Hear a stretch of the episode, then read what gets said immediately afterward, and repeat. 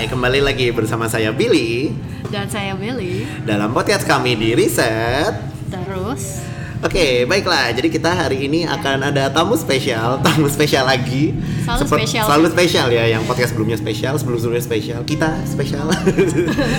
Dan di sini ada teman kami yaitu Eki Ramadan. Hai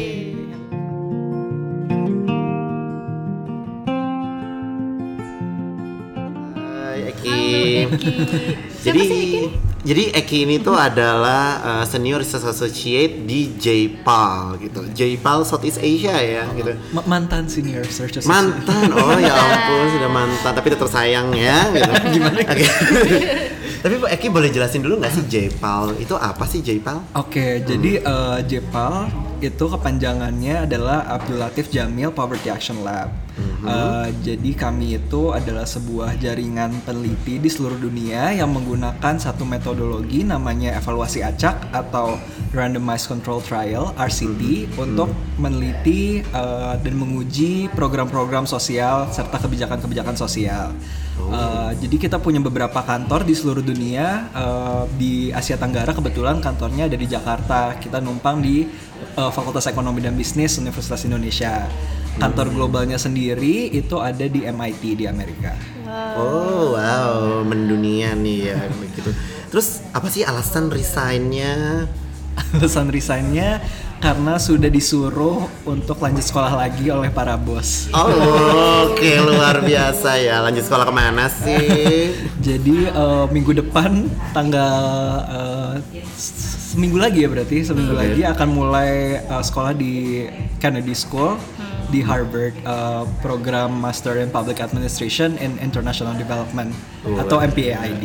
Wah, luar biasa banget ya ini. Aduh, banyak sekali periset-periset handal ya gini. Nanti kita akan lebih banyak ngobrol ya untuk ngomongin sebenarnya JPAL itu apa aja sih yang dikerjakan di Iya. dalam JPAL. Penasaran juga ya, Poverty Action Lab. Sounds very Iya, sounds very apa ya? academic. Academic iris. ada lab-labnya gitu ya. Ada lab-labnya Which ya. is true to some extent. ya. Iya kan? I know right.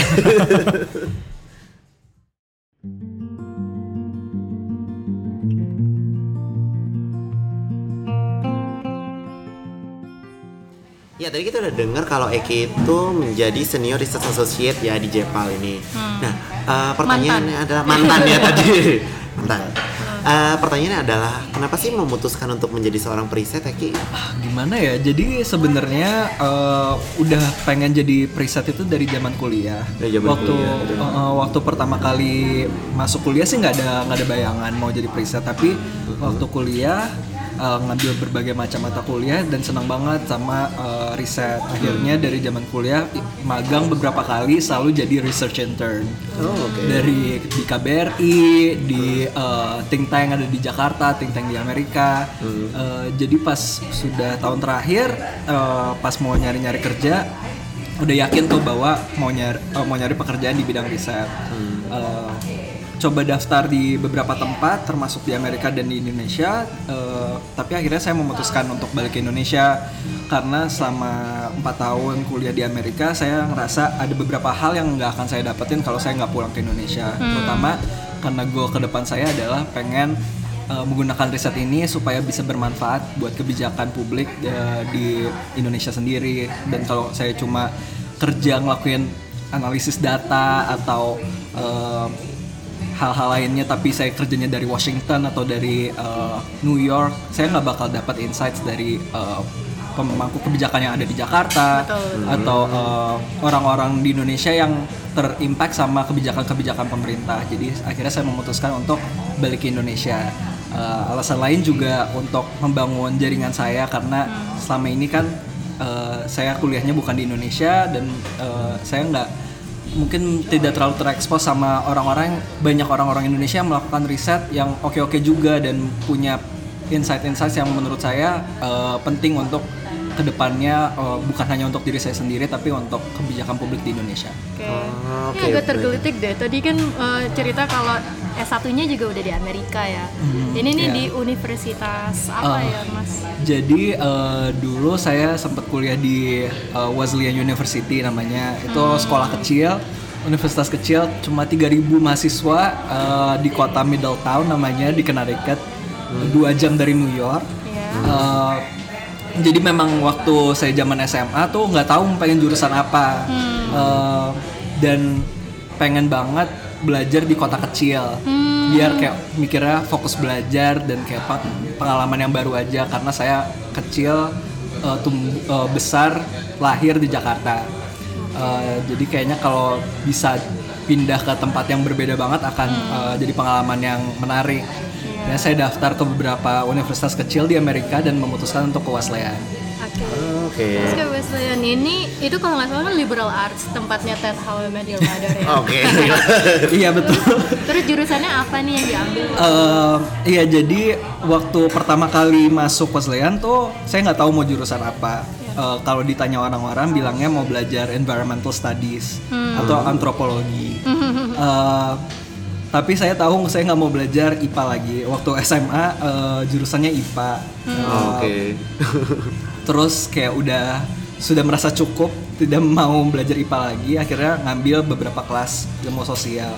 Ya. ngambil kelas eh, dan akhirnya jatuh cinta sama ekonomi dan ilmu politik karena kelas pengantarnya oke oke banget Eh, profesor-profesornya juga sangat approachable eh, dan akhirnya saya memutuskan untuk ngambil dua jurusan itu ditambah satu minor eh, hubungan internasional Oh. Oke baiklah. Jadi sekarang kayak fokusnya lebih banyak ke bidang ekonomi gitu. kalau ya. sekarang iya terjebak di ilmu ekonomi terjebak. Baik. Oke deh. Tapi kalau kayak gitu artinya lima tahun yang lalu artinya kamu emang udah terbayang nih ya untuk menjadi seorang periset. Lim- lima tahun yang lalu tuh berarti 2014 iya sih sudah sudah ada bayangan udah udah masuk ke fase di mana saya tahu mau jadi periset saya tahu mau kerja di lembaga riset eh, tapi belum tahu bakal kerja di bidang ekonomi pembangunan. Eh, dulu justru banyaknya karena jurusan saya ilmu politik dan minornya hubungan internasional saya lebih banyak ngurusin soal foreign policy. Eh, politik luar negeri terus politik eh, politik regional eh, di Asia Tenggara gitu gitu Oh ini saat-saat magang di KBRI berarti? Eh, eh, saat di KBRI terus eh, iya magang di KBRI itu tahun 2014 Eh, terus sempat magang di think tank di Jakarta juga itu ngurusinnya lebih ke politik luar negeri Eh, baru eh, pas nyoba-nyoba kerja daftar kerja aja sih nyangkut di Jepal terus ternyata suka tiga tahun nggak eh, betah di situ nggak pindah ke mana-mana betah aja di situ Oh, oke. As the first and only job ya, gitu luar biasa. Menyenangkan sekali sepertinya ini di Jepal nih. Hmm. First and only job dan sekarang udah mau lanjut S2. Yang sebenarnya itu adalah hal yang apa ya? Bukan tidak lazim tapi kurang lazim gitu di, di anak-anak seumuran kita gitu. Apa sih yang bikin kamu tetap di Kayak, situ? nah, bertahan di bertahan tiga Jepal tahun tuh. dari junior sampai senior research associate. Iya apa ya? Eh, ada beberapa alasan sih. Yang pertama eh, memang dari awal saya tuh udah tertarik banget sama misinya Jepal. Misinya Jepal kan eh, memastikan bahwa kebijakan kebijakan publik eh, terinformasi sama bukti ilmiah. Dan itu kayak literally adalah misi hidup saya. Eh, kenapa saya pengen lanjut S2 gitu. Eh, jadi nyambung aja Eh, dan ng- ngeliat gimana kerjaan yang saya lakukan ini bisa berguna buat gak hanya untuk pemangku kebijakan tapi juga untuk masyarakat kebanyakan. Eh, sangat encouraging aja sih kalau misalkan ngelihat diskusi kebijakan itu menginkorporasi hasil penelitian-penelitian eh, profesor-profesor yang terafiliasi sama JPAL. Eh, jadi itu satu. Eh, yang kedua lingkungan Jepalnya juga sih eh, saya enjoy banget karena orang-orangnya sangat open minded, progresif, eh, kayak kem- very committed sama misinya lagi, misinya Jepal. Jadi nggak hanya termotivasi sama misinya Jepal juga, tapi termotivasi sama teman-teman yang eh, sangat genuinely invested in this struggle for evidence ba- based policy Uh, dan banyak yang terakhir banyak capacity building opportunities uh, banyak training opportunities karena Jepal ngelihat para staff-staff mudanya ini sebagai uh, investment juga karena evidence informed policy itu nggak bisa uh, tercapai se- secara sustainably kalau misalkan nggak ada peneliti yang bisa melakukan penelitian di masa depan.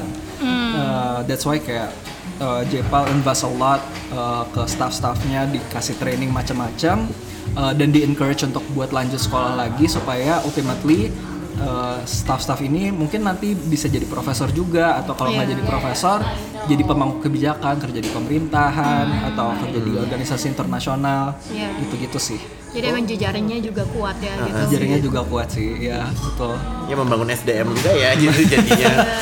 ya biar bisa ke mana-mana juga nantinya Dan gitu-gitu. se- sebenarnya kayak nggak dulu nggak ada bayangan bahwa bakal lanjut S2 eh, yang berhubungan sama ekonomi eh, S2 di Harvard tuh nggak nggak pernah ada bayangan kayak gitu. Dulunya m- mungkin tertarik sama development studies but not economics per se. Eh, tapi J- Jepal bener-bener kayak literally I told my bosses kalau misalkan I don't think I'm good enough untuk apply but they were kayak yang kayak push untuk coba daftar kayak so they trust their staff members a lot. Uh, saya sampai kayak ditelepon sama my former manager yang sekarang di Harvard untuk kayak uh, ayo coba daftar, uh, ayo coba sekolah lagi because this is uh, in line with what you want to do and this is good for uh, the society as well.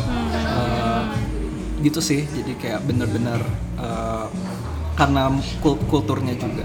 Marvelous. Oke, menarik banget ya kalau kayak gitu. Jadi eh, nanti S2-nya mungkin akan melanjutkan riset-riset yang lebih hebat lagi kan jadinya. Iya. Amin.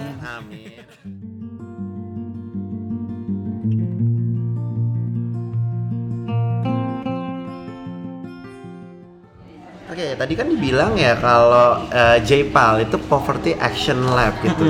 Nah, jadi sebenarnya itu riset apa sih? Maksudnya kayak riset di bidang kemiskinan gitu atau maksudnya gimana nih?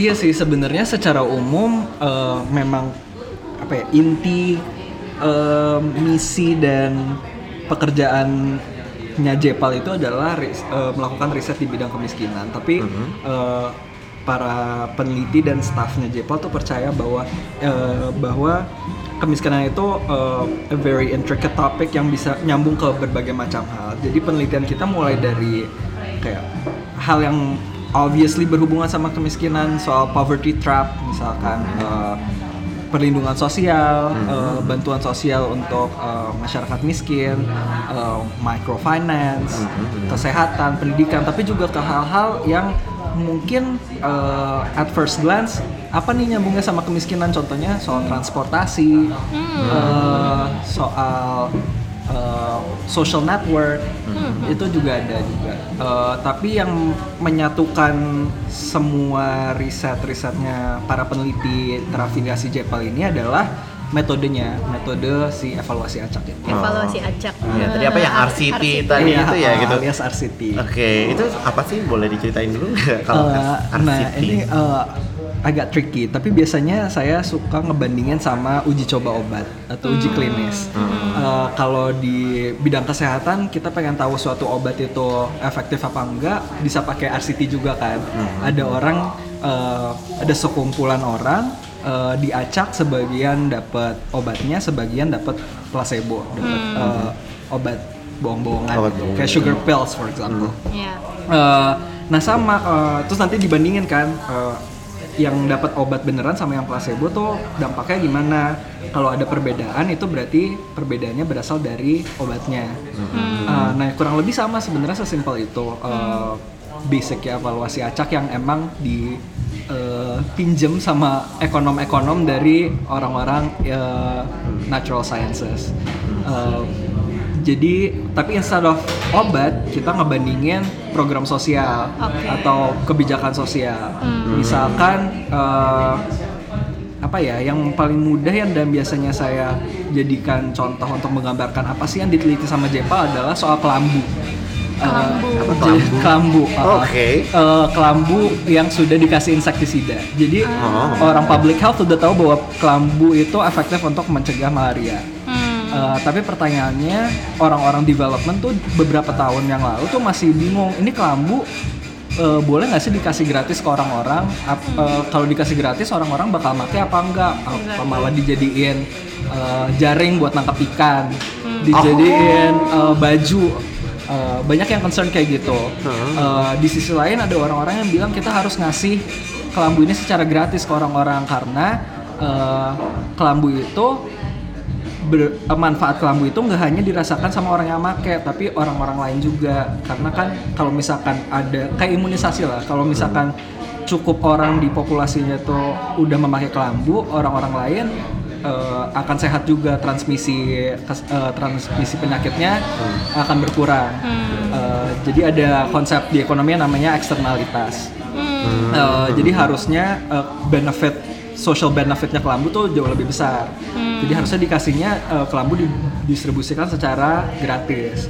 Nah mereka ya lumayan berantem gitu lah. Ada perdebatan intens di eh, sektor pembangunan zaman dulu. Akhirnya eh, peneliti terafiliasi Jepal, eh, salah satunya alumni Wesleyan, eh, eh, itu mereka pergi ke Afrika eh, mencoba develop study untuk ngetes sebenarnya apa sih yang harus kita lakukan apakah di- eh, dijual apakah bisa dikasih gratis.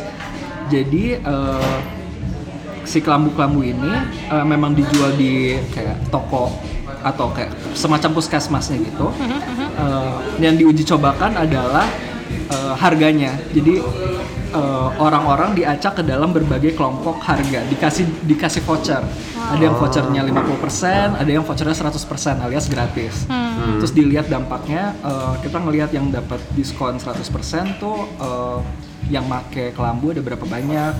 Eh, yang akhirnya beli kelambu lagi setelah beberapa tahun eh, terlewat tuh berapa banyak. Dan dari penelitian itu eh, didapatkan bahwa eh, dika- kelambu yang dikasih secara gratis itu beneran dipakai loh. Orang-orang nggak nggak jadiin. Mungkin ada yang jadiin itu eh, apa jala buat ikan jaring atau gitu hal- ya, hal jaring-jaring lain, gitu. heeh.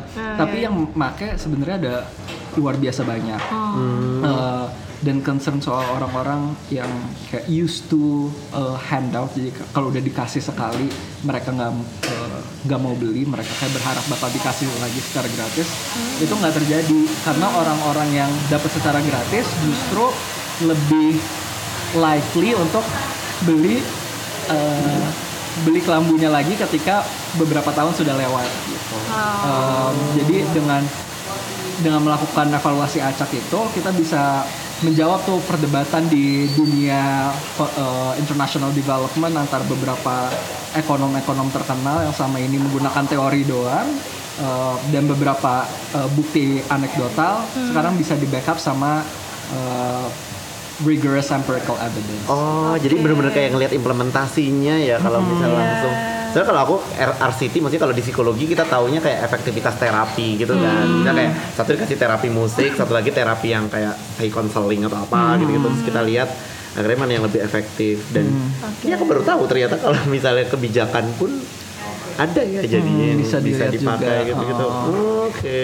Jadi ini kayak real life lab sebenarnya. Iya, iya. Iya. Sebenarnya makanya namanya di Jepal L-nya lab karena after all sebenarnya kita lab juga, tapi labnya adalah di dunianya di dunia nyata. Apa ya? di lapangan. di lapangan Di lapangan, masyarakat iya. ya, di masyarakat umum gitu. Uh, jadi ada uh, orang-orang yang uh, tim Jepal hire untuk ngecekin tuh satu-satu kalau dikasih kelambu itu ada yang datang ke rumah orang-orang ngeliatin oh kelambunya ada dipakai oh kelambunya Oh. ada tapi dijadiin jala oh kelambu kelambunya udah nggak ada Oh, wow, ini lucu banget sih. Kayaknya seru banget ya. Jadi pengen.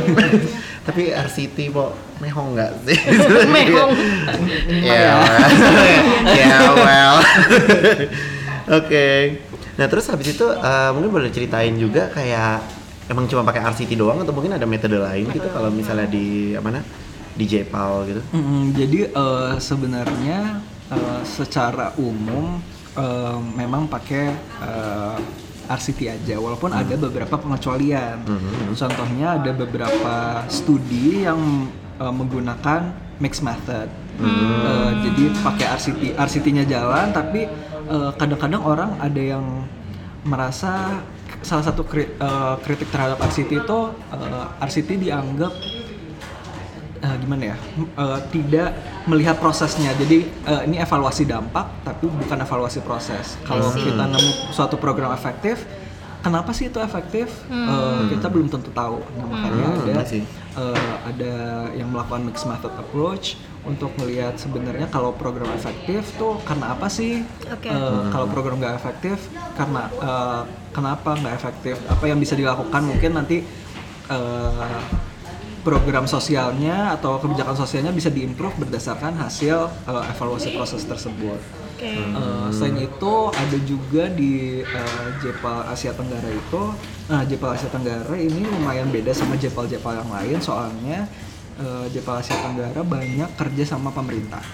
Eh, di eh, yang menurut saya lumayan exciting karena bisa ngelihat eh, hasil-hasil penelitian ini digunakan oleh pemerintah untuk me- mengimprove kebijakan di skala nasional. Eh, nah, tapi terkadang terkadang itu untuk mengembangkan studi sama pemerintah eh, nggak semua eh, nggak semua kebijakan itu bisa diarsitikan.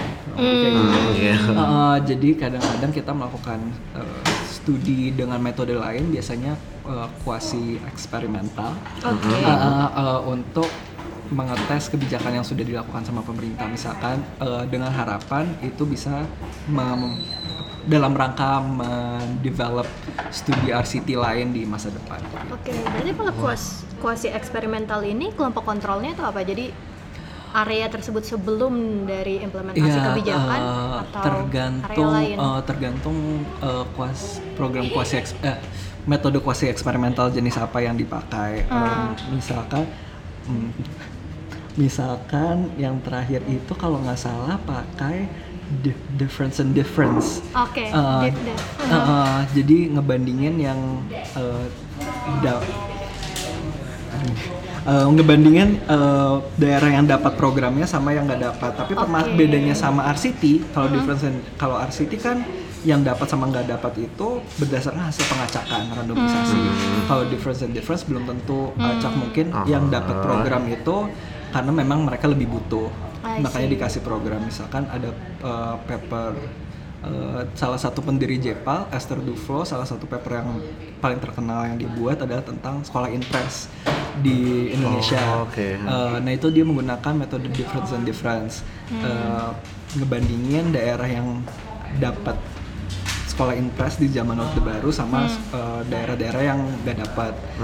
Nah masalahnya kita nggak bisa langsung ngebandingin eh, dua dua daerah itu secara langsung kan, Eh, kayak eh, setelah sekolah impresnya dibangun, apakah misalkan tingkat pendidikan sama tingkat pendapatan di daerah yang dapat sekolah impresnya itu lebih tinggi daripada yang enggak, itu nggak bisa langsung dibandingin karena sebelum sekolah impresnya dibangun, mungkin daerah-daerah yang dapat sekolah impres itu eh, kualitas hidupnya lebih rendah. Iya. Eh, Jadi memang sudah ada eh, mereka tidak setara secara statistik. Ini jadi agak agak eh, teknikal. Banget sih gitu, gitu. Sekolah interest tuh apa sih mungkin buat sahabat riset yang belum tahu?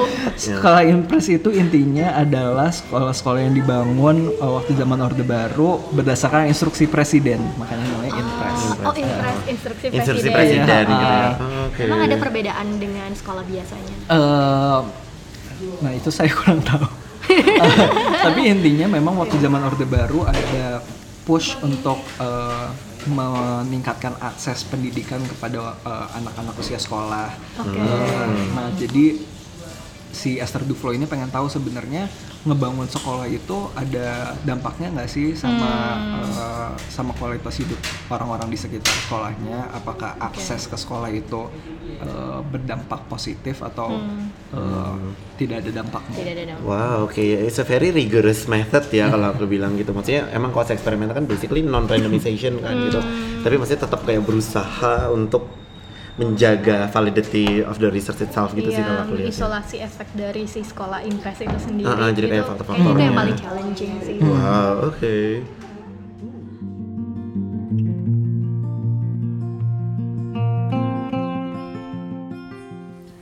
Oke, tadi kan kita udah denger ya eh, apa sih yang dilakukan oleh Jepal nih gitu. Nah sekarang kalau buat Eki sendiri apa sih riset yang menurut Eki itu paling berkesan yang selama ini udah Eki jalanin gitu gitu. Bisa di Jepal, bisa nggak usah di Jepal kan. Mhm.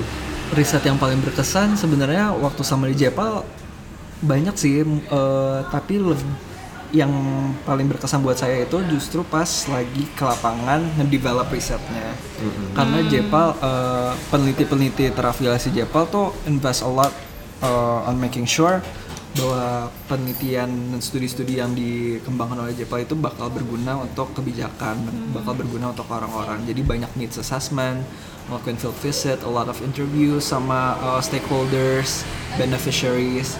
Uh, yang paling memorable minggu pertama saya gabung Jepal, saya langsung dikirim ke Karawang sama Indramayu untuk wawancara eh, pekerja migran perempuan eh, untuk mengembangkan studi tentang migrasi eh, migrasi internasional. Eh, itu lumayan berkesan not in a positive way sih, lebih karena it was very depressing, Eh, kayak mentally exhausting ngedenger cerita cerita cerita mereka yang di abuse di luar negeri, eh, mengalami assault, eh, dan pengalaman-pengalaman mereka di luar negeri. Ada beberapa yang senang banget tentang pengalaman mereka di luar negeri tapi eh, banyak yang cerita tentang eh, pengalaman buruk di luar negeri. And pengalaman pertama saya turun ke lapangan di Jepal itu eh, yang solidify eh, ini sih endeavor saya di bidang riset ini karena saya ngerasa kayak oke we, uh, we need to do something and uh, I wanna make sure bahwa riset yang saya lakukan itu bisa ngebantu orang-orang yang yang saya seperti saya ketemu di lapangan itu. Uh, hal lain yang uh, exciting juga soal penelitian di Jepal adalah ketika udah mulai uh, intervensinya. Jadi program atau kebijakan sosial yang di- mau diuji cobakan itu mulai berjalan.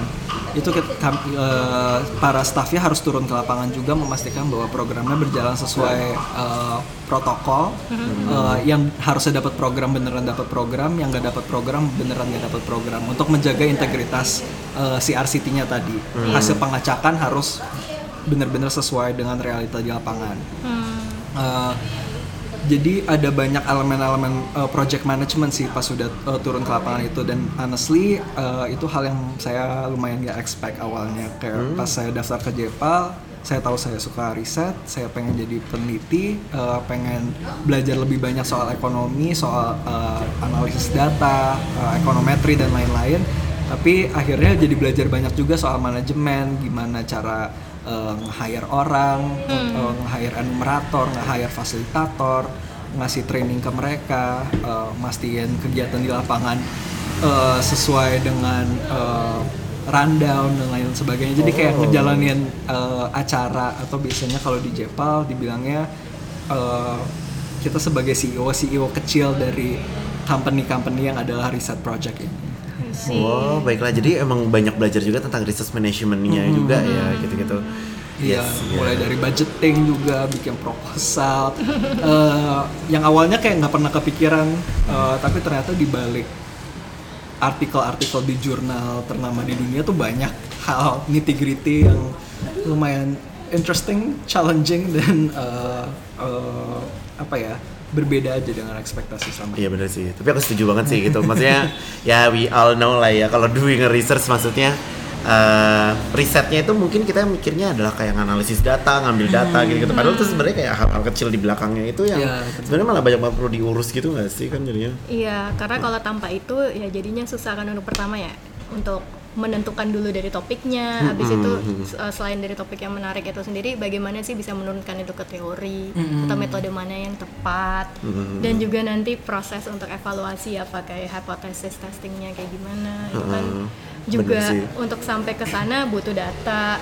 Dan kalau cuman tadi katanya cerita kalau satu RA itu satu project ya, research associate, ya kita nggak bisa kerja sendiri. Iya kan sih, kita butuh bantuan Iya. gitu-gitu kan. fasilitator. Heeh, manajemennya itu sih mungkin kayak dari bikin proposal sampai bikin LPJ ya jadinya sih LPJ? laporan pertanggungjawaban Iya benar harus rip- kalau udah bikin proposal dapat funding terus harus laporan ke donor. Hmm, oh iya. iya bener bener bener bener Terus harus bikin report juga buat pemangku kebijakan. Jadi berbagai macam skills lah yang Ah, benar. dipelajari. iya bener So it was challenging at first kayak eh, apa ya learning curve-nya lumayan steep tapi eh, senang banget karena belajar banyak. Iya betul. Iya, doing research nggak cuma doing research ya jadinya, tapi Iya. managing the research juga.